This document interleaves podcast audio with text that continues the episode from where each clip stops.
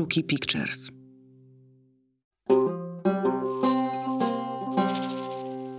Michał Leja, Łukasz Sokół o fotografii. A dzisiaj w Trzech Krukach Pictures. Tomasz Sikora, legenda polskiej fotografii. Ja bym powiedział, jedna z najbarwniejszych postaci w fotografii w ogóle. Człowiek niesłychanie kreatywny, o nieprzybranych zasobach wyobraźni, co się przekłada na jego fotografię zarówno autorską, jak i komercyjną. O, o tym będziemy dzisiaj rozmawiać. Tak jest. Także fotograf, twórca teatralnych, filmowych, plakatów, ilustracji książkowych, realizator prac dla europejskich i amerykańskich agencji reklamowych. I powiedziałbym impresjonista. Dzień dobry, Tomku. E, Dzień dobry, Dzień dobry. ale się nasłuchałem. Ale chyba nie powiedzieliśmy nieprawdy. Tak, ale ja wolałbym to drugie stwierdzenie, że barwny. To od tego zaczęliśmy i skończyliśmy na impresjoniście. I to No właśnie, zgadza się. Czy był kiedyś taki moment w Twoim życiu, że fotografia Cię zaczęła nudzić? Co to znaczy? Nie, nie. No był jak byłem, e, jak byłem mały, ale to nie nudzić, tylko po prostu nie znałem jej. Nie, nie, no fotografia jest dla mnie w zasadzie takim wybranym e, sposobem na życie, na komunikowanie, na zarabianie i tak dalej, i tak. Z tym, że nie zostało to wymyślone, tylko przyczepiło się w sposób naturalny. Jesteś niezwykle wszechstronnym fotografem, bo robisz i fotografię streetową, i dokumentalną, i kreacyjną. Mam takie wrażenie, że jak tylko zaczynasz się nudzić, e, znaczy mo- może to nie, nie wiem czy nudzić, ale jak tylko e, za dużo w Twoim życiu jednej fotografii, to przechodzisz od razu na inną. Czy coś w tym jest? No to masz rację, absolutnie w ogóle chyba dlatego tak się dzieje, że e, zarówno kreowana fotografia i ta komercyjna, i ta autorska jest dla mnie odskocznią dla fotografii takiej reportażowej i w momencie, kiedy już jest po prostu takie trochę męczące, powtarzające się chodzenie, polowanie na, na różne sytuacje, ile tego można robić. Po dwóch miesiącach, po trzech miesiącach już tak pomalutku marzę się o tym, żeby e, również fotografować na żywo, ale sytuacje zaaranżowane przez samego siebie, a nie narzucone przez e, życie. I odwrotnie. I co, co jest ciekawe, że w moim przypadku, ponieważ ja mam kiepską pamięć, to za każdym razem jak wracam do tego drugiego gatunku fotografii, to tak jakbym zaczynał od nowa. Czyli e, nie ma tam dużej takiej powtarzalności. Czasami to jest, e, to jest e, dosyć ciężkie, dlatego że trzeba sobie wszystko od początku przypominać, ale na ogół się ma takie o wiele świeższe podejście niż po Zwłaszcza fotografii kreowanej, y, zresztą reportażu też, bo to jest sposób podejścia do znalezienia sobie miejsca i mm, jeśli się zaczyna to powtarzać, wpada się w rutynę, no to po pierwsze to jest mniej ciekawe dla fotografa, a po drugie mniej ciekawe dla odbiorcy, bo pokazywane w podobny sposób. I ratunkiem wtedy jest odreagowanie rzucając się prawie na głęboką wodę i robiąc coś zupełnie innego, ale z wielką pasją. Jak tej pas- pasji nie ma, to nie ma co się rzucać na tą głęboką wodę. To wszystko musi przyjść naturalnie. Ale na pewno lepiej jest zrobić tak, niż nagle usiąść przy pół litra wódki i powiedzieć, o Jezu, jaka ta reklama nudna, jak oni narzucają mi to, co chcą zrobić. Nic, nic własnego nie mogę zrobić. Ale chwileczkę, na tym się tyle zarabia, że potem można na pół roku wyjechać gdzieś i robić swoje. Czy jakakolwiek inna praca dałaby takie apanarze, które by nam pozwoliły na, na taki luksus? Nie ma mowy. Więc po prostu z pokorą i tak jak najlepiej można wykonać taką, taką robotę w cudzysłowie nudną, chociaż to nigdy nie jest nudne, bo zawsze jest to wyzwanie chociażby techniczne, żeby podołać pożądanym efektom. I za każdym razem w zasadzie takie prace, które nie były w moim stylu, to, to najwięcej uczyły i mało z tym najbardziej wzbogacały warsztat, bo trzeba było się czegoś y, technicznego zupełnie nowego nauczyć. A jak się ma warsztat bardzo szeroki, no to każdy pomysł może być zrealizowany. Ma się dzisiaj, idzie się ulicą i nagle coś takiego męczy, męczy, męczy i okazuje się, że chciałoby się na przykład fotografować te ciekawe e, twarze, które przechodziły i opowiedzieć o nich jak najwięcej. Ale jak to zrobić?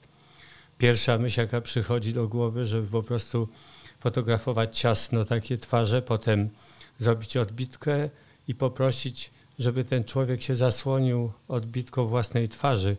A po co? To nie jest tylko zabawa, tylko po prostu wchodzą dwa nowe elementy, które określa, określają człowieka, bo w jakim momencie on się zasłonił i jak trzyma taką cienką materię, jaką jest y, odbitka fotograficzna, a jeszcze trzecie, jak wyglądają jego palce, a przede wszystkim paznokcie, czy są obgryzione, czy są zapuszczone, czy są pięknie utrzymane. Nie patrz na moje, Michał. Tak, teraz właśnie patrzę na jedną z tych twoich prac, e, która jest na- wydrukowana na twojej koszulce. No właśnie, myślałem, że na, na, na moje palce patrzysz. A dlaczego nie? I to, co jest ciekawe, że potem, mm, jak to obejrzałem, to pomyślałem sobie, że jeszcze można to pociągnąć. Do tego stopnia, że jak ktoś ogląda jedno zdjęcie, to ma tam e, szereg e, e, takich informacji na temat osobowości tego człowieka, bo przecież portret to nie jest zdjęcie legitymacyjne, tylko to jest Prawda. opowiadanie o wnętrzu człowieka, prawda, o jego charakterze.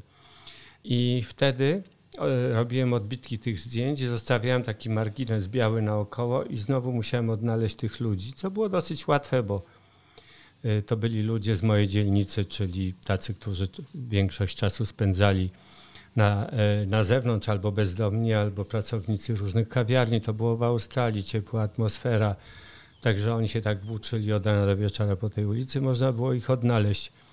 I poprosiłem ich, pokazując to zdjęcie, żeby napisali mi pierwszą myśl, która wpada im do głowy po zobaczeniu tego zdjęcia samego siebie przykrytego zdjęć, e, fotografią własnej twarzy.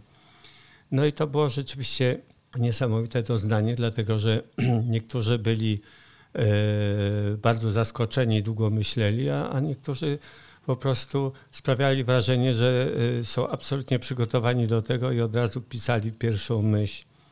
I co to oznaczało, że dochodziły, dochodziły nam dwa bardzo mocne elementy określające, mianowicie charakter pisma i treść. Także powstawał taki portret. A która treść e, zapadła ci szczególnie w pamięć? Y, Słuchaj, ja mam słabą pamięć na szczęście.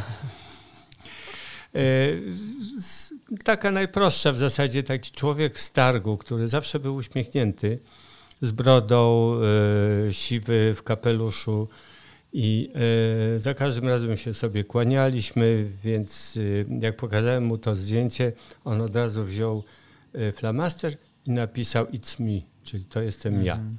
bardzo ładne, ale no takie mm, o tyle ważne, że patrząc na jego twarz widać było, że on, on się lubi po prostu. To znaczy, może odwrotnie, to jego fizjonomia mm, nie przeszkadza mu. On się toleruje a, i ma zaufanie do, do własnego, wie kim jest po prostu. Podejrzewam, że nie, nie ma żadnych kompleksów, co jest w ogóle fantastyczne i gdyby każdy mógł do, dojść do takiego stanu, to mielibyśmy świat spokojny po prostu.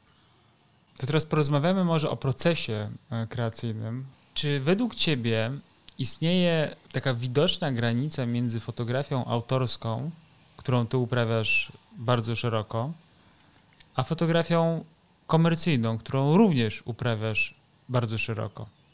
Jeśli chodzi o wyobrażenie o obrazie, przekazywanie informacji, bo już w komercyjnej fotografii musimy jakąś informację albo ukrytą, albo nieukrytą przemycić, prawda? A w autorskim nie? No tak, oczywiście. Przesłanie również, swoje, Przesłanie. Nie, no słuchajcie, to jest tak, że bardzo istotne jest, żeby dotrzeć do takiego rynku, to znaczy do takich agencji czy do takich klientów, którym odpowiada styl fotografa.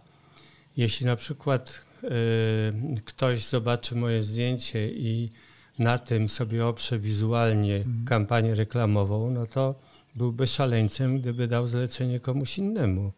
Dlatego, że widać, że to ktoś zrobił z, tak od siebie, z serca, prawda? No i na ogół się zgłasza i wtedy w ogóle nie ma żadnego problemu, bo mówi zrób tak, jak to zrobiłeś. No i tam mogą być jakieś ograniczenia, jeśli chodzi o dobór modeli, na przykład o wiek, no bo przecież każda reklama trafia do określonego, do określonej grupy, prawda? I to jest ściśle określone. Niemniej jednak to już jest ogromny sukces i nad tym mm, bardzo długo się pracuje. Nad taką rozpoznawalnością mm, stylu, z tym, że y, ja będąc w Australii doszedłem do wniosku, że ponieważ nie bardzo jestem taki, mam, próbuję mieć, znaczy nie próbuję, mam w zasadzie y, takie podejście do każdego tematu zupełnie od początku, od, od nowa, świeże. W ogóle się nie ograniczam do, do jakiejś jednej techniki, czy tylko czarno-białej, czy barwnej. Eliminuję na ogół barwno jako taką odzwierciedlającą rzeczywistość, bo uważam, że jak człowiek widzi, tak jak widzi, to po cholerę mu jeszcze na zdjęciach pokazywać to samo, to można tę rzeczywistość mu troszeczkę inaczej pokazać, to go zainteresuje. Już w ten sposób działa fotografia czarno-biała, prawda? Ludzie zawsze yy, woleli, znaczy zawsze ja mówię o swoich doświadczeniach, jak pokazywałem zdjęcia czarno-białe, żeby nie, nie wiem jaki nudny temat był, to to odkrywało dla nich znaną rzeczywistość w sposób inny i to już było ciekawe, prawda? I teraz tak, y, w momencie, kiedy w Australii wiedziałem, że, że nie mogę uczestniczyć w tak zwanym życiu zabawowym, czyli chodzić po mhm. klubach i y, poznawać tych różnych ludzi z agencji reklamowych, doszedłem do wniosku, że jedyna szansa, żeby oni wiedzieli, co ja robię, to jest y, publikacja co roku jakiegoś autorskiego materiału w formie albo kalendarza, albo książki, albo serii pocztówek. Bo wtedy oni sobie wieszali to właśnie, jeszcze wtedy nie było internetu, wieszali sobie albo plakat, albo właśnie taką pocztówkę, albo wyrywali kartkę z, z, z książki, wieszali sobie nad biurkiem i któregoś dnia musiał być, przyjść taki moment, że w jakimś takim strasznym zmęczeniu a to jest pomysł. I wtedy dzwonią do kogo? Do autora do tego zdjęcia. I to były najciekawsze oczywiście zlecenia, -hmm. bo bliskie temu, co, co ja robiłem, ale również bywa czasami tak, że kreatywny pion agencji reklamowej ma takie zaufanie do, do fotografa, że mówi mu, słuchaj, My teraz pracujemy nad jakąś koncepcją, czy chcesz wziąć udział tej, współpracować z nami od początku. Dlaczego to jest ważne? Bo ta różnica między wykonywaniem zdjęcia na własne zamówienie, czyli fotografia autorska, a wykonywaniem zdjęcia na czyjeś zlecenie polega na tym, że zawsze swój pomysł jest nam bliższy i zawsze łatwiej nam jest zwizualizować go. Mało z tym podchodzimy z o wiele większą ilością emocji i, i takiego entuzjazmu w zasadzie. W reklamie też można podchodzić z, z tą mm, emocją, ale właśnie pod warunkiem, kiedy czujemy, że absolutnie w 100% identyfikujemy się z tym pomysłem. I, o wiele łatwiej doprowadzić do takiej sytuacji, kiedy jest się współautorem albo osobą nawet nie chodzi o towarzyszącą powstawaniu tego procesu, kiedy można na przykład w jakimś tam momencie, ale nie trzeba, ale można coś tam zaproponować jeszcze. Często jest tak, że w przypadku Twoich e, zdjęć ciężko odróżnić tak naprawdę, które z nich są wykonane na potrzeby agencji, czy po prostu są częścią kampanii, a które są częścią Twoich e, projektów. Wspaniale, nie może być lepiej. To fajnie.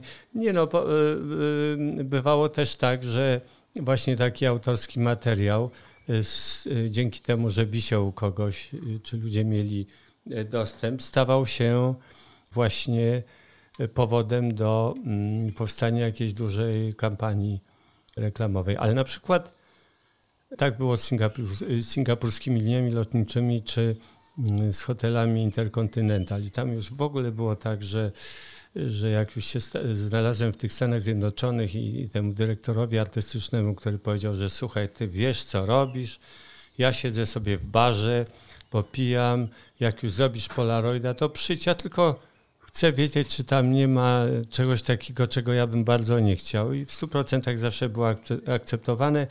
Czyli tak, koncepcja moja, realizacja moja, potem wchodziłem do ciemni, robiłem odbitki czarno-białe, kolorowałem je, barwiłem je chemicznie, czyli przez y, ten proces sepi i y, niebieskiego tonera i miedziowego tonera i powstawały już jakieś tam barwy, lekko jeszcze areografem i tyle.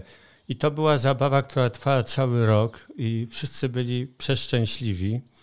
Oni do, agencja dostała nagrodę, dyrektor artystyczny wpadł w alkoholizm, a ja byłem e, szczęśliwy, że, że to tak gładko idzie, a przede wszystkim, że przed każdym zdjęciem nie odbywała się jakaś kolejna narada przedprodukcyjna, co po, kompletnie obcina energię i chęć do wykonywania takiej pracy. Zresztą nazywasz to cały czas zabawą i to też jest dosyć No, no bo, była, bo była zabawa, rzeczywiście.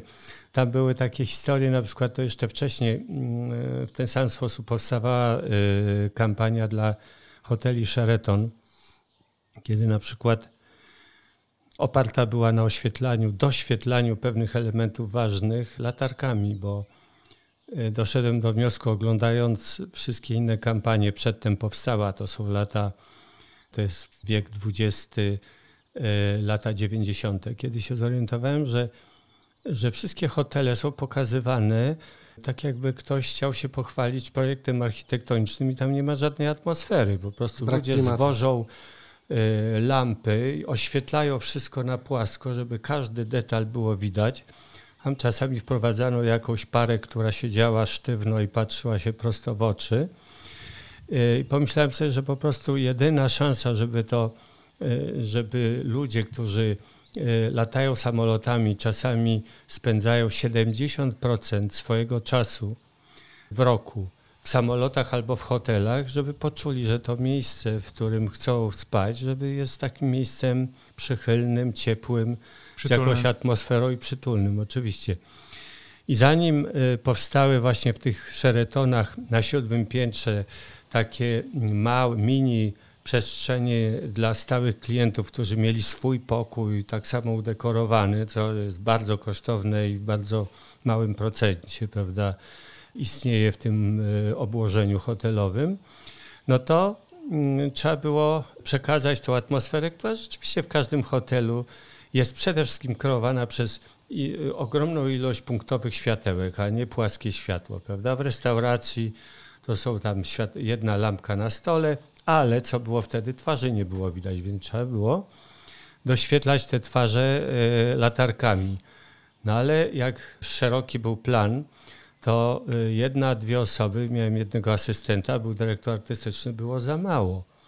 Więc yy, szedłem wtedy do, do restauracji, brałem kucharzy i wszyscy stali z tymi la- latarkami i oświetlali. I teraz tak, przyjeżdżamy do Tokio, gdzie oczywiście y, technologia y, najwyższa i nagle widzę taki obrazek. My robimy jakąś sytuację w lobby i po schodach widzę wpiew nogi, a potem korpus dyrektora tego hotelu. I on po prostu zatrzymał się na środku tych schodów i z niedowierzaniem patrzy się, jakiego kucharze trzymają latarki i oświetlają jakieś punkty w tej restauracji.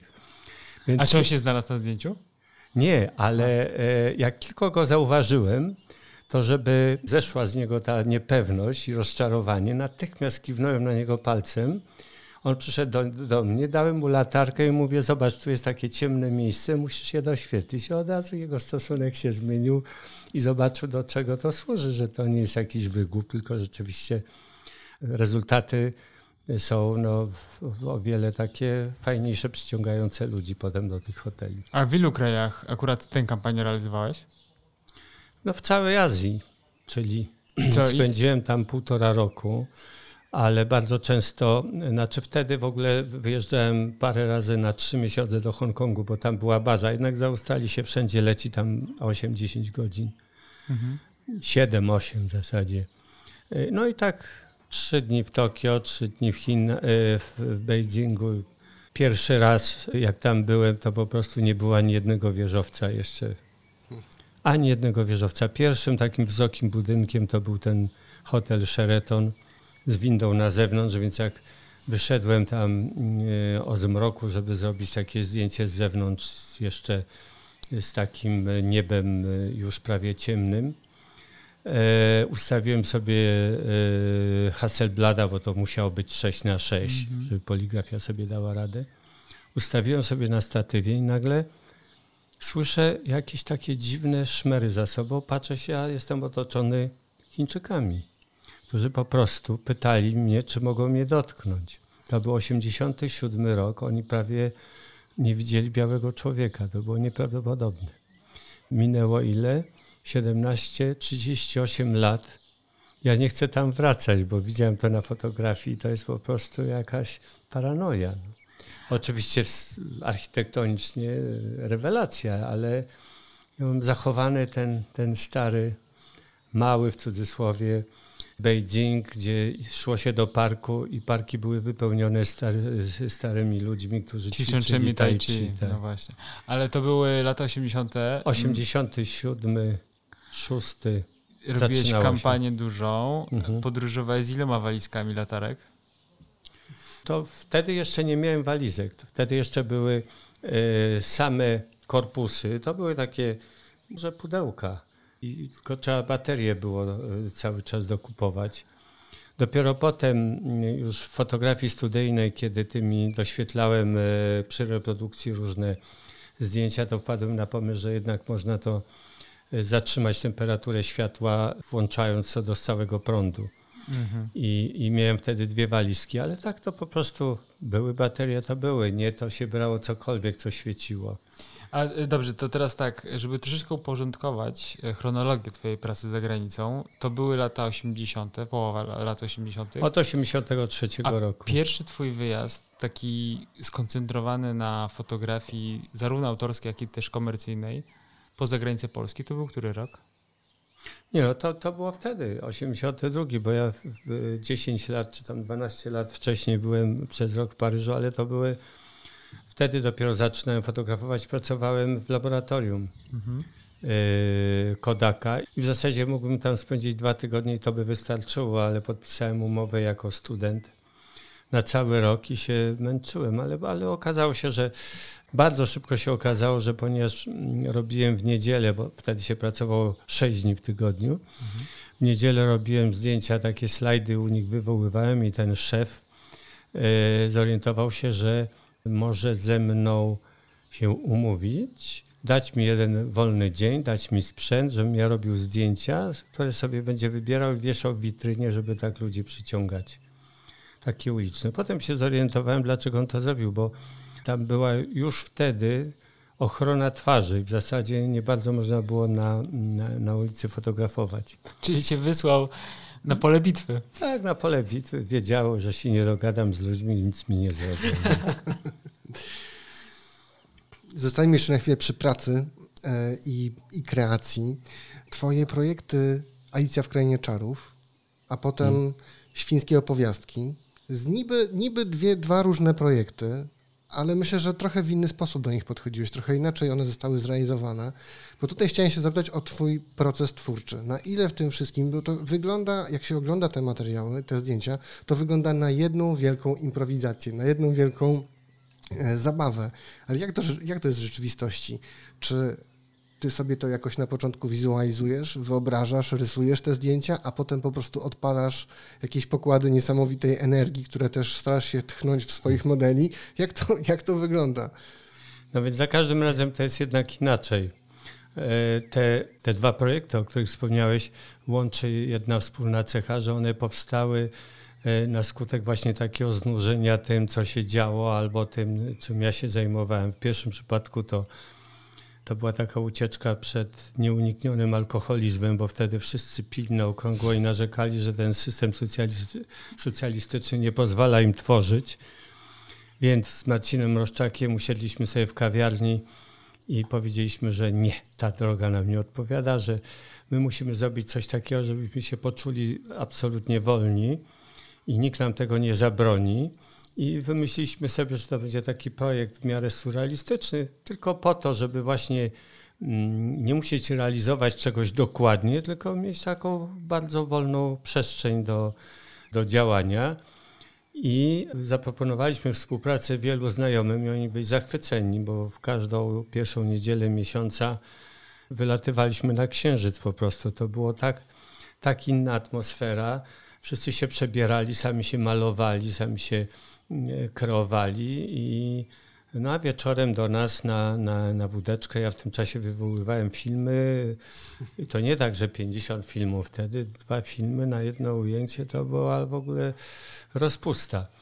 Były wglądówki, no i już tak nad ranem wszystko było wiadomo, czy dobrze wyszło, czy nie. I, i tak się kończyły te weekendy. I to, było, I to było genialne. Potem ja robiłem odbitki. Też okazało się, że jak zrobiłem dobrą odbitek, odbitkę, to Marcin się bardzo y, męczył z tym. Bo bardzo trudno jest ingerować w coś, co jest już doskonałe, prawda? Natomiast on mówi tak, zepsuj tą odbitkę. Ja mówię, co znaczy? No, na przykład nie doświetl jakieś elementy, to ja będę miał powód, żeby tam zaingerować tym kolorem i y, areografem. I dawałem mu takie śmieci.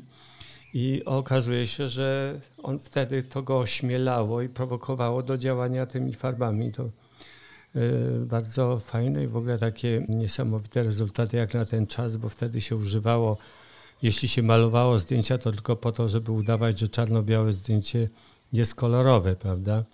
To, co robili górale przy monidłach, czy nawet y, portretach takich ciupaga, ta taka kamizelka, nie wiem jak to się nazywa, kapelusz i malowane potem wszystko z rumieńcami pięknymi.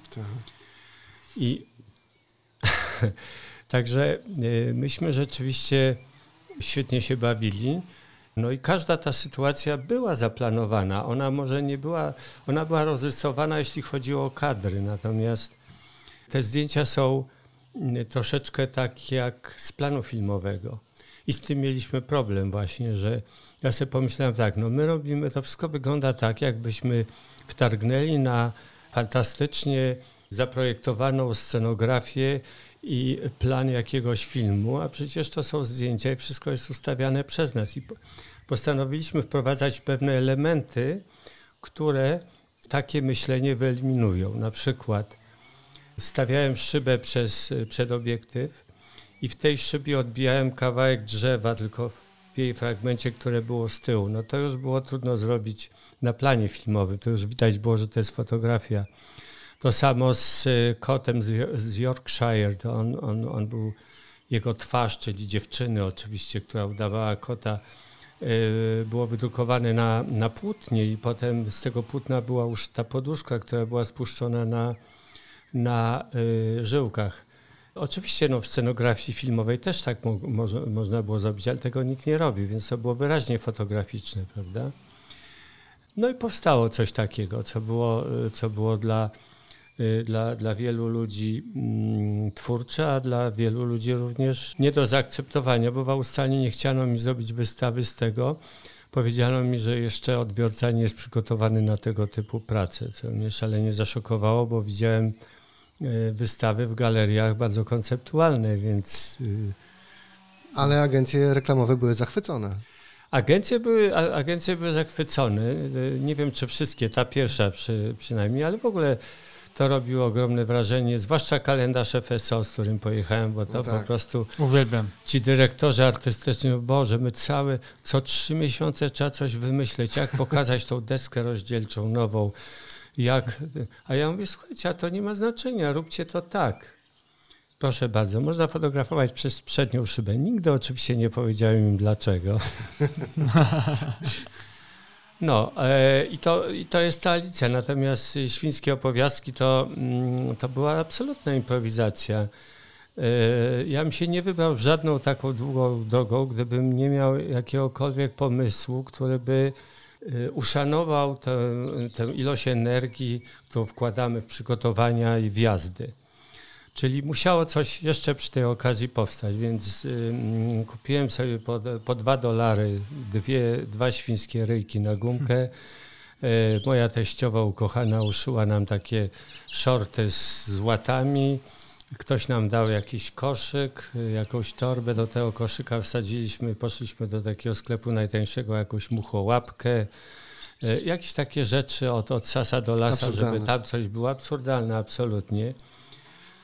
I, e, I wyruszyliśmy i teraz tak, e, nawet nie pamiętam, czy pierwszego dnia wyciągnęliśmy te stroje. Dopiero jak zauważyliśmy wagon kolejowy gdzieś w przestrzeni pustej, no to po prostu to był taki absurd, że trzeba było to jakoś wykorzystać. To samo było w, Kuba, w Kuba Pidi, które, o którym rozmawialiśmy przed chwilą, gdzie się wydo, wy, wydobywa e, opale, ale żeby wydobyć te opale, to się wygrzebuje, wykopuje się takie doły i wygrzebuje się tam ziemię i się ją przetrząsa. No to trochę jak złoto, tylko tam bardziej w piasku. I, yy, I powstają takie grudki, które, które są wszędzie porozrzucane. No więc pomyśleliśmy sobie, jak grudki, to znaczy, że trufle, że dwie świnie będą tarzały się w tych truflach. I tak powstawały te, te, te pomysły. Byliśmy w mieście Widmo, no to już w ogóle cudowne. I doszliśmy do wniosku, że my, świnie, na tych zdjęciach mamy. Ja świnia. Tak, my świnie, ja jestem świnia Tlisio, a mój kolega Bartek jest świnia Zanzibar. Nie znaliśmy jeszcze swoich imion, dopiero potem, jak już dotarliśmy z powrotem do, do Melbourne, rozłożyliśmy te zdjęcia, pokazaliśmy Fishowi Rutherford, taki copywriter z, z dużej agencji, który marzył o tym, żeby napisać książkę dla swoich córeczek.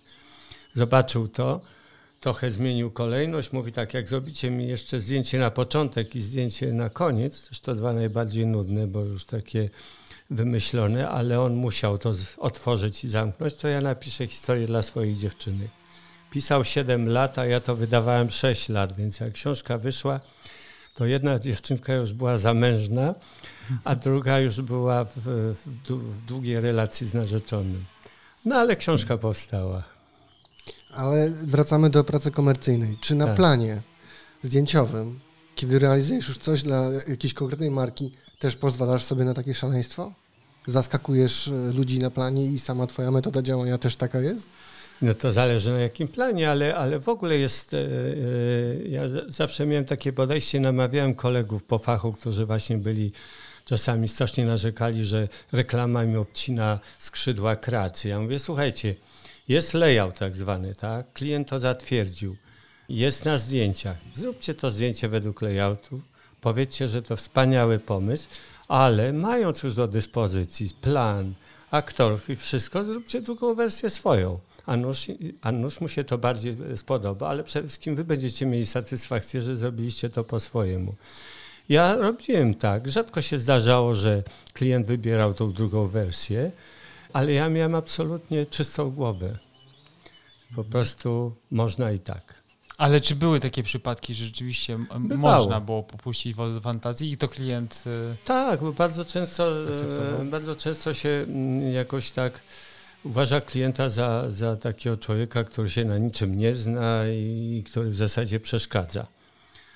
A dobry klient to jest taki, który dokładnie wie, czego chce. Yy, to znaczy, jakiego działania chce. I zdaje sobie z tego sprawę, co ci ludzie, który, dla których przeznacza tę reklamę, jeśli to są młodzi ludzie, jak oni mogą na to zareagować i na co powinni reagować. I bardzo często, jak słyszę od fotografa, że on by to jeszcze zmienił, że jeszcze by puścił bardziej na żywioł, przerysowałby, stworzyłby więcej planów, mówi tak, róbmy to, zobaczymy, co jest lepsze. I to jest, to jest naprawdę wspaniałe, już nie mówiąc o tym, że, że pobyt na, na planie klienta gwarantuje nam to, że, że ta praca zostanie zaakceptowana, bo czasami bywało tak, że klient nie mógł przyjść, wysyłało mu się polaroidy, wszystko w porządku, a potem się okazywało, że coś mu się nie podoba i powtarzamy, no to bez sensu. My dzisiaj wyjątkowo w delegacji nadajemy nie z trzech kruków Pictures y, przy placu Halera, tylko z Mięćmierza, w którym mieszka y, i działa Tomek y, Sikora. Stąd też w tle... Z przepiórką. Z przepiórką, tak. Jak przepiórka ma na imię? Zigzag. Zigzag. Jest przeurocza, przeuroczy przepiór, przepiórek. Tak. Towarzyszy nam również sąsiad dzielnie ze swoją e, piłą mechaniczną. mechaniczną. Tak. E, więc dzisiaj jest dźwięk niedoskonały, ale to się świetnie składa, bo ty chyba nie znosisz doskonałości. Nie znoszę. E, tak, dlatego mi to w ogóle nie przeszkadza, że między ptakami pojawia się jakaś tam piła, e, nawet na nagraniu, bo to, to taka jest prawda. No. A prawda jest taka, że nie ma doskonałości. Doskonałość się, doskonałe rodzi się dziecko i potem każda jedna minuta to już jest Coraz dalej upadek. doskonałość, upadek. no tak, ale... Nie, żarty żartami, ale po prostu y, Dla mnie fotografia, źródłem fotografii jest jednak ziarno i to buduje obraz, prawda? I przyszedł taki moment, kiedy mm, technologia doprowadziła do tego, zwłaszcza w fotografii takiej stołowej, reklamowej, amerykańskiej, że nie było tego ziarna i było więcej detali. Myszka. Myszka. Myszka jest. No, Mamy sąsiadkę i mamy, słuchaczkę. tak, Odwiedziła nas myszka. tak. I co w tej fotografii? No i ta fotografia po prostu wygląda tak sztucznie. Ja bym, ja bym to określił w ten sposób, że jest pozbawiona duszy. O. I taka fotografia może być zrobiona przez każdego fotografa. Mhm. Ja pamiętam, jak przychodzili studenci po Wydziale Fotografii w Melbourne do nas, mieli fantastyczne portfolia. Coca-Cola tak sfotografowana, piwo i tak dalej, ale wszyscy mieli dokładnie to samo. Pytali się, co dalej. Ćwiczenia odrobione po prostu mieli. No tak, No tak, ale ty wkładasz też wyjątkowo dużo chyba energii w to, żeby te twoje zdjęcia były mocno niedoskonałe. Słuchaj, to zależy od stanu.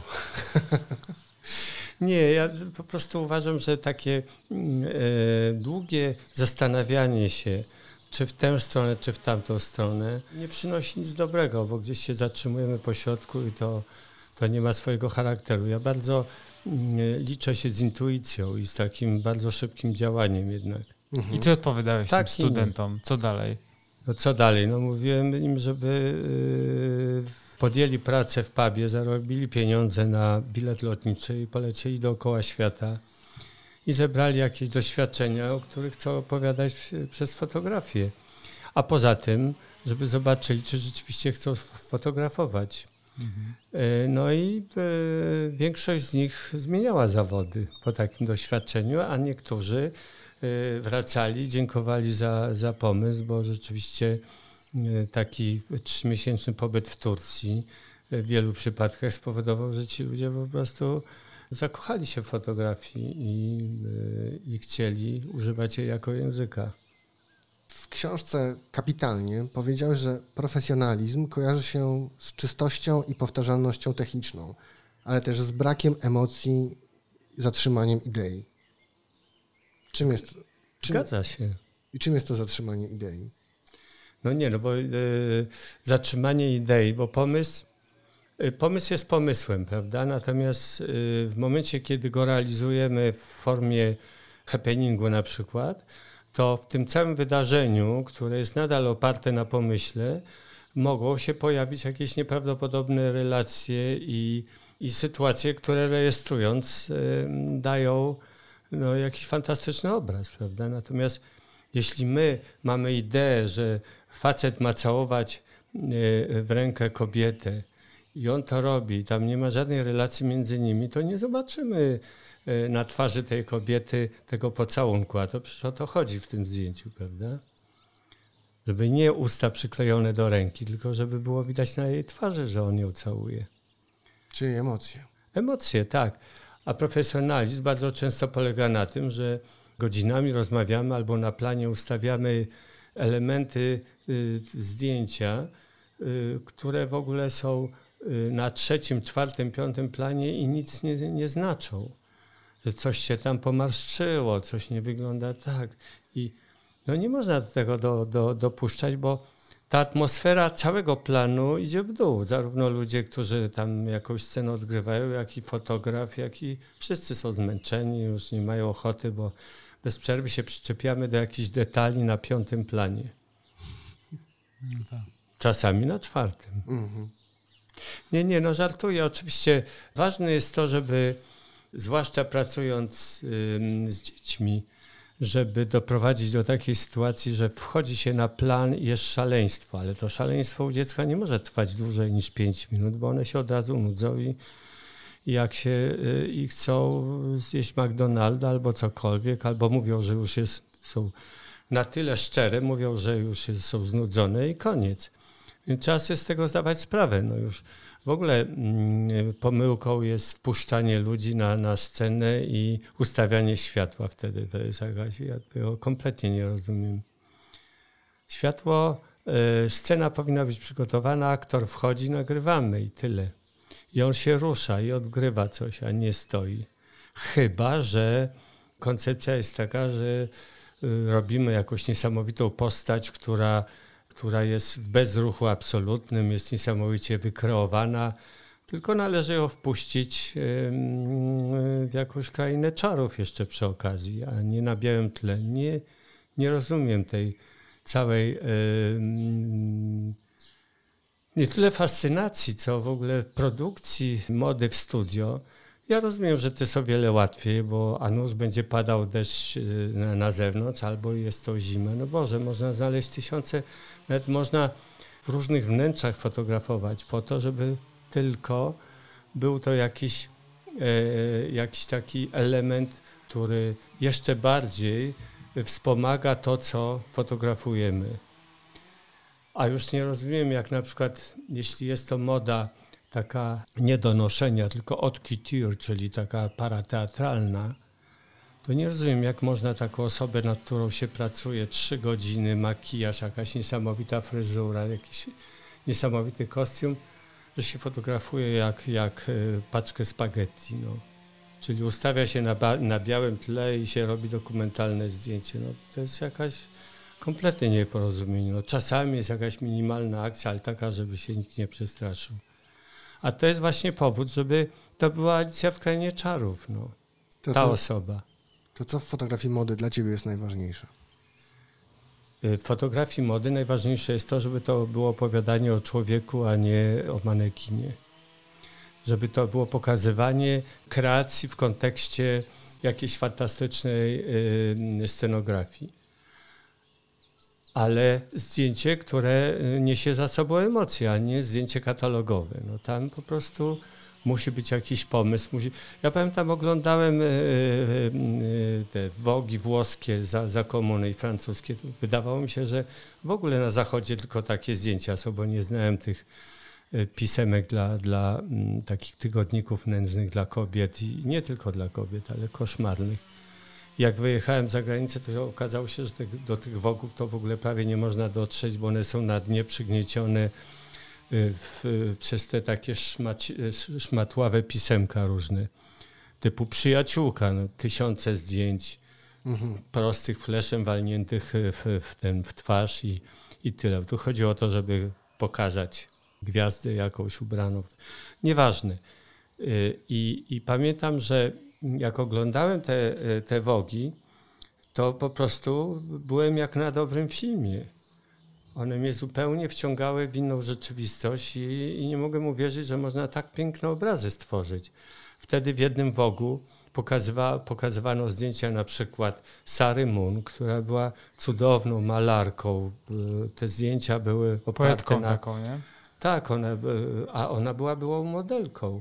E, One były oparte na ziarnie, na jakimś niesamowitym kolorze, na nieostrości w tamtych latach.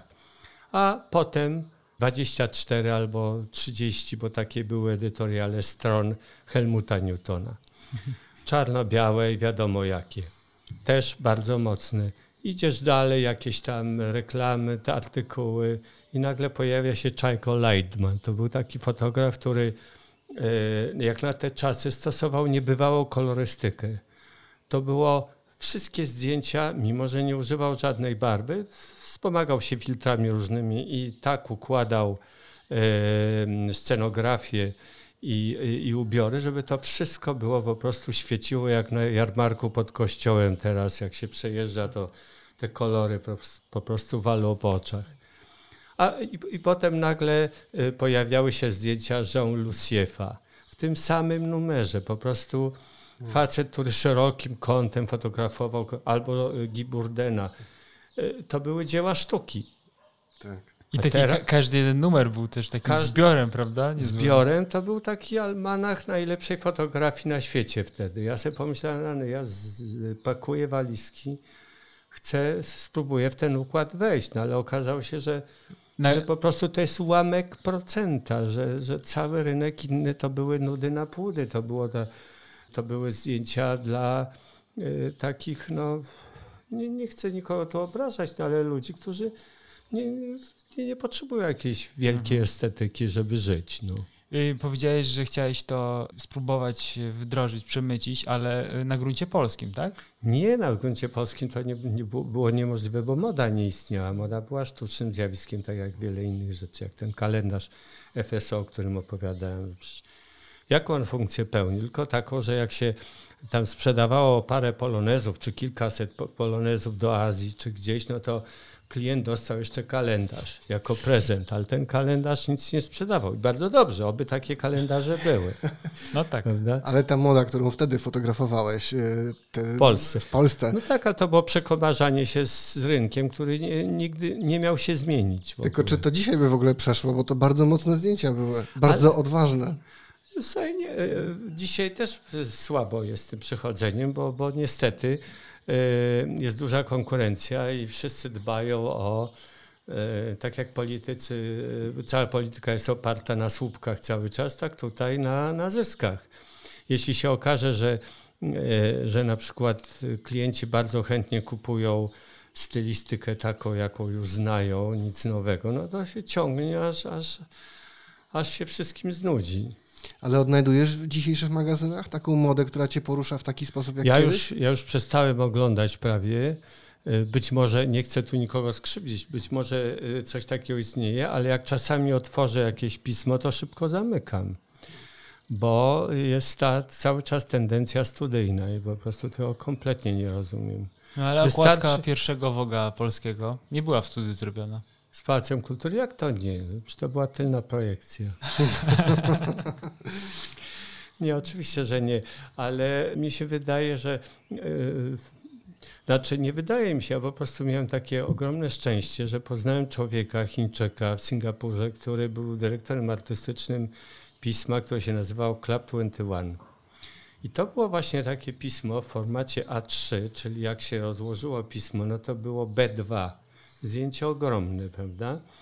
Y, Gdzie się drukowało różne edytoriale mody, ale uwaga, to nie było pismo mm, sprzedawane y, w księgarniach czy gdzieś tam, tylko pismo, które otrzymywał, otrzymywał każdy klient, który wydał ponad y, 1000 dolarów za jednym razem. Hmm. Co nie było dużą sumą, bo y, nazwa się wzięła z tego, że to było 21 butików najlepszych designerów, znaczy projektantów mody na świecie. Więc tam Armani, Yamamoto i tak dalej, i tak dalej. Oni nigdy nie robili y, tanich ciuchów oczywiście To nie jest jakieś marne tysiąc dolarów. nie za jakieś marne. W związku z tym, y, że tak powiem, to pismo, jakość tego pisma absolutnie nie, y, nie decydowała o zyskach, prawda? To był prezent. Prezent może się podobać lub nie, ktoś odłoży. Pełna albo- wolność.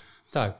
W związku z tym ten facet powiedział tak, słuchaj, ja chcę od ciebie jednego, żebyś za każdym razem coś nowego, żebyś eksperymentował. I to mi powtarzał do znudzenia i to przez 10 lat rzeczywiście była ostra zabawa, bo łapałem się takich rzeczy, które były prawie nie do zrobienia, ale zawsze sobie marzyłem, żeby tam, nie wiem, zadziałać, yy, żeby ten proces jeszcze dłużej trwać, żeby, żeby robić zdjęcia na, na kalkomanii, żeby je na coś naklejać, skrobać, prześwietlać, Bóg wie co. No to były nie, niesamowite o, takie odjazdy, ale okazuje się, że właśnie w związku z tym yy, wygrywane były różne konkursy, że, że to się jednak gdzieś tam było doceniane, co wcale nie znaczy, że było komercyjne.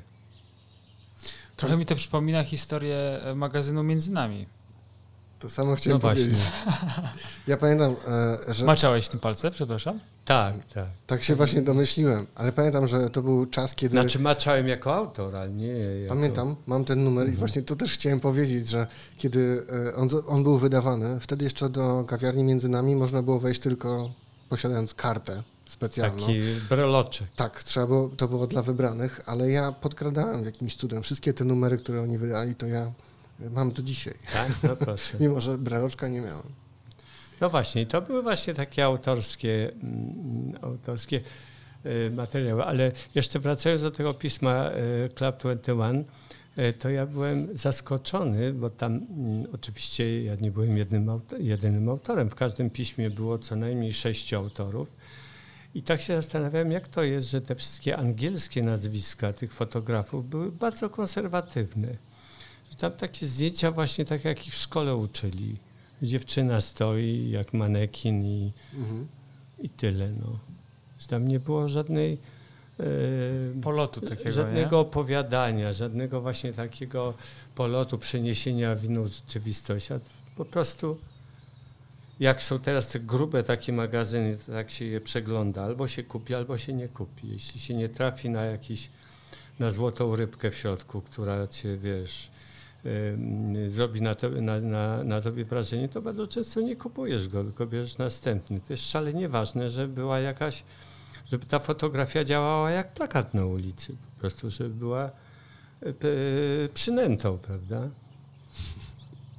Już ustaliliśmy, że e, nawet jak chcesz od, odpocząć od fotografii, to zajmujesz się fotografią. Tak, tak. A zdarza ci się jednak, że zajmujesz się zupełnie czymś innym? Czy to jest tylko fotografia? Nie, no oczywiście, że zajmuję trochę domem. Nie, no teraz na przykład mam manię chodzenia, spacerowania. To jest mm, 15-20 kilometrów dziennie. I yy, no, nie tylko na wsi, ale również w Warszawie podczas pandemii to było takie nowe odkrycie, bo mm, się okazuje, że nie tylko rower, ale na piechotę widać o wiele więcej. Można się zatrzymać, tam sobie popatrzeć tu i tam. A nie- cały czas kopuła pracuje i tam Ale nie bierzesz aparatu ze sobą wtedy. myśli. Jak to? No, czyli widzisz, czyli jednak nie. czyli Nie, nie, nie. ma ucieczki. No nie, ale oglądam sport bez aparatu. Bo nie na żywo. Odnalazłem u siebie na półce Coś takiego. wspaniały album. Trzymam go w ręce. Okazało się, że Tomek Sikora w 2001 roku wynalazł Instagram. A może selfie raczej? No, no, selfie tak, bo to jest album, który składa się z 365 autoportretów. Tak. Dzień po dniu autoportret. Od urodzin do urodzin. Od urodzin do urodzin. Ile miałeś lat wtedy, tak na marginesie? No to było 20 lat temu, to miałem 53 lata. I teraz we wrześniu zaczynam trzeci już taki, co 10 lat. To jest pierwszy, drugi był 10 lat temu i teraz od 9 września znowu zaczynam. Mam taką to, trochę inny pomysł, ale, ale to też będzie e, określenie stanu ducha każdego dnia po prostu. I dobrze się bawisz robić coś takiego? Słuchaj, yy, to jest takie trochę, na, narzuca się sobie pewną powtarzalność i, i wiadomo, że to trzeba zrobić, ale to każdemu dobrze robi, yy, może zrobić, jak sobie przeanalizuje swój dzień, zwłaszcza jak jakieś błędy, jakieś głupoty popełnia, no to, to warto tak spojrzeć do tyłu wieczorem i napisać coś o tym, albo napisać, że jestem dupkiem, no, bez y, y, większego wdawania się, wgłębiania się ten temat. Natomiast y, najważniejsze jest to, że po paru latach można sobie to wziąć i zobaczyć, czy są jakieś zmiany, czy nie ma jakichś zmian. Co człowieka bardziej kręci, co robił wiele razy w ciągu roku, czego nie robił. Bo to, to wszystko jest zapisane. A czy y, porównując drugą wersję do tej, którą tu mamy na stole, do pierwszej wersji, y, dużo takich zmian było? Było, znaczy zmiany są w ogóle, mm, zmiany głównie powodowane są wydarze, wydarzeniami zewnętrznymi oczywiście.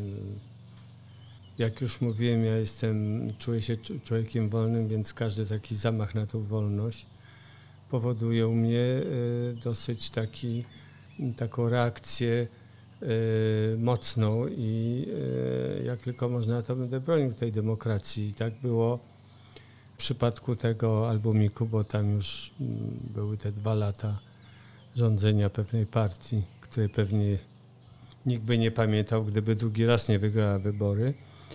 I w zasadzie bardzo często jest ten motyw. Tam jest yy,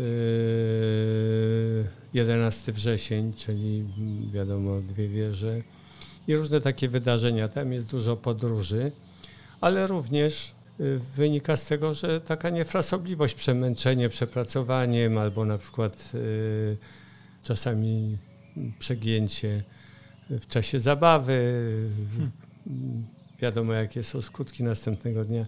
Więc jak się to przeczyta, to y, i, i ten poprzedni, to, to widać zmianę, ale ja, ja nie oceniam te, tego, czy na dobre, czy na złe, tylko na szczęście nie jest tak samo, no bo Boże, nie ma nic gorszego jak rutyna i powtarzalność.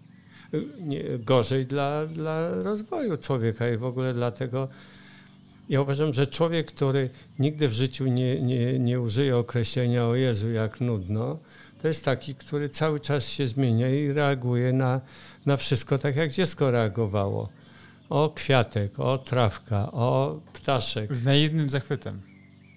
Tak, oczywiście. I to jest, to jest, szalenie, to jest szalenie ważne, żebyśmy nie, nie stracili kontaktu z tymi zjawiskami, które y, obyły się, znaczy już są przez nas. Wydawało nam się, że tak jest, to co się będziemy cieszyli, że jest wiosna. Kurde, jak przychodzi wiosna, to przecież oszaleć można. No.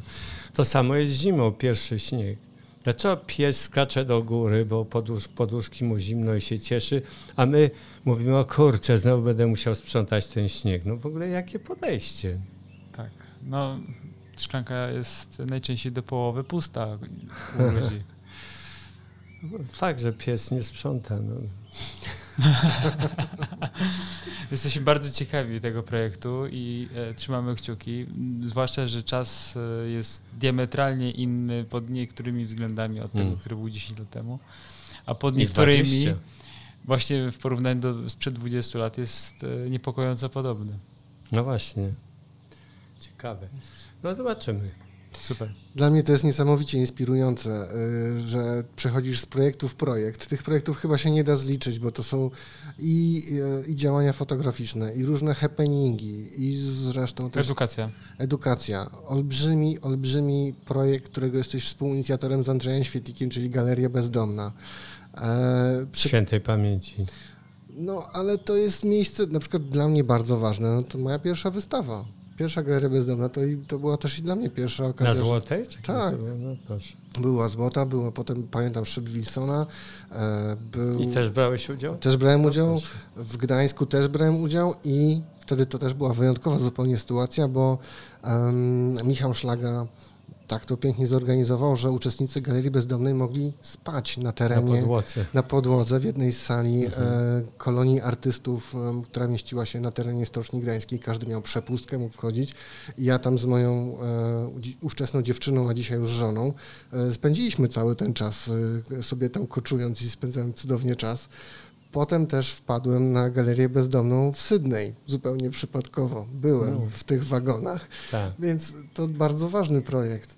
Ciągle szukasz nowych rzeczy. Przed chwilą tutaj przed nami odkryłeś rąbek tajemnicy, swój najnowszy projekt. To też zupełnie nowe, zupełnie nowe poszukiwania. W nienowych e, obrazach. W nienowych tak. No tak, no bo po prostu my sobie nie zdajemy z tego sprawy, że, że fotografia już jest. To, co fotografujemy, to jest kawałek rzeczywistości oprawionych w ramkę, czyli już jest wyrwana z kontekstu. I w zasadzie to, co widzimy na zdjęciach, czę- często to jest tylko nasza wizja, że ludzie, którzy mają skierowane twarze do, w, w swoim kierunku, wcale nie patrzą na siebie i nie znają się i nigdy się nie poznają, ale my sobie to tak y, odbieramy, dopóki nie ma podpisu pod tym zdjęciem. Każdy podpis y, w zasadzie jest w stanie zmienić treść tego zdjęcia. I jeśli sprzedajemy z tym podpisem, to tak go ludzie kupują. I to jest, jest niesamowite.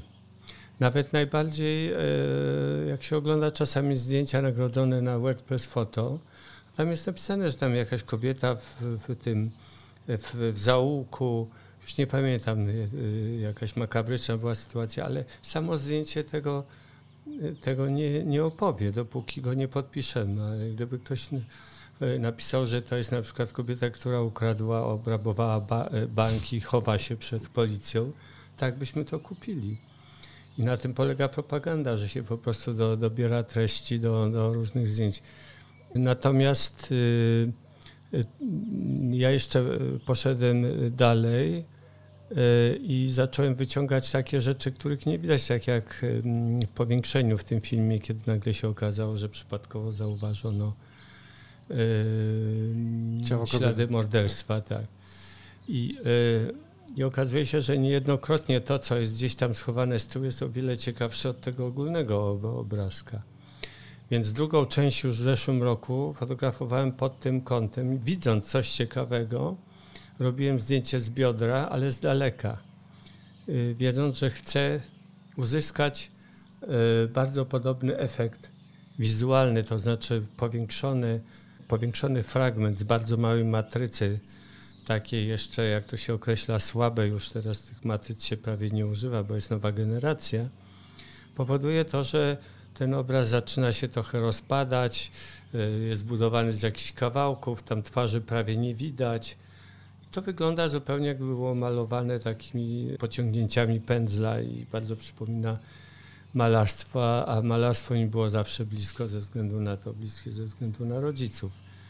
I y, no jest ogromna radość, że nagle się z, y, można przetworzyć dokument na na tylko i wyłącznie estetykę, chociaż tam nadal y, w, tej, w tym małym kadrze bywają mm, relacje między ludźmi, ale już mm, nie potraktowane czysto dokumentalnie, tylko właśnie tak jakby to była wymyślona sytuacja przez y, malarza. On był, część tego materiału była w zeszłym roku tutaj na płocie. Tu jest e, ten płot, który widzieliście przez studnię, to jest taki, to jest galeria na płocie. On się już wali, ale będziemy go jakoś tam reanimować. Chodzi o to, żeby mm, e, ludzie, którzy tu mieszkają na, na co dzień, idąc e, dojść kozy czy na pole, żeby się ocierali o takie różne rzeczy. I dwa lata temu na przykład była wystawa pod tytułem Jesteśmy, czyli takie dosyć bliskie relacje między E, czarnoskórym mężczyzną, białą kobietą i odwrotnie. E, nie, nie, nie o charakterze jakimś tam bardzo seksualnym, ale takie bardzo emocjonalne mm, dwie twarze albo ręka gdzieś tam. No nie gdzieś tam, tylko na w odpowiedniej wysokości, prawda, żeby nie było żadnych mm, Kontro, kontrowersji. Kontrowersji, tak. I, e, I zauważyłem, że oni sobie to oglądają i się tak, no, jeśli się człowiek nie oswoi z faktem, że, e, że niczyja to wina, jeśli się urodził w Afryce, e, a nie w Europie i odwrotnie, no to mamy takie same potrzeby i takie same tęsknoty. Zresztą co ja wam mówię, jak jeździliście po świecie i widzieliście, i to jest bardzo ważne, żeby nagle zobaczyć w krajach e, islamskich, ludzi, którzy z taką samą pasją modlą się jak my, katolicy, czy w, e, w Tel Awiwie, e, czy gdziekolwiek indziej w synagogach też z taką pasją ludzie podchodzili do religii, tylko żeby ta religia nie dzieliła, tylko łączyła. To jest jedno, jedno ale. I dlatego należy ludziom pokazywać, że każda religia jest ważna, bo, bo ona jest, ona służy ludziom a wszyscy ludzie mają takie samo pragnienie. Kochać, być kochanym, żyć długo i szczęśliwie. Pięknie. I tym oto akcentem myślę, że możemy zakończyć e, tą fascynującą i pasjonującą rozmowę. Już? Z Tomkiem Sikorą. Z Tomkiem Sikorą. Ja mam tylko... Człowiekiem, który absolutnie nie potrafi się nudzić i z Tomkiem też nie można się nudzić. A jeżeli ktoś się z Was słuchających nudzi, chociaż trochę, to zapraszamy na stronę Tomka Sikory, tomeksikora.eu. Tak. Tam jest niesamowicie dużo y, jego materiałów, zarówno tych, y, tych komercyjnych, jak i jego projektów, jak i reportaży. Naprawdę świetne źródło zabawy i inspiracji. Oczywiście zapraszamy również na Instagrama Tomka. Tomku, przypomnisz adres instagramowy? Nie pamiętam. Znajdziecie. Ale jest Tomek, nie Tomasz. To jest Tomek, ważne. tak jest. Tak, tak. Tomek Sikora Tomek Sikora. EU tak. i Tomek Sikora, e, z tego co pamiętam, też na Instagramie. Jako, że jesteśmy teraz e, w cudownym miejscu e, na podkazimierskiej wsi, nie mamy to absolutnie żadnego zasięgu, więc jesteśmy w stanie na bieżąco sprawdzić. Ale to, no właśnie, Instagram albo Facebook też jest. Tak. No. Wszędzie znajdziecie Tomka pod e, jego imieniem, nazwiskiem, Tomek Sikora. Dziękujemy bardzo. Tomku. Ja Dziękujemy, również dziękuję za, za przybycie w ogóle tak daleko. To dzika przyjemność. Tak jest, dziękujemy bardzo. E, dziękuję. Pozdrawiam wszystkich słuchaczy.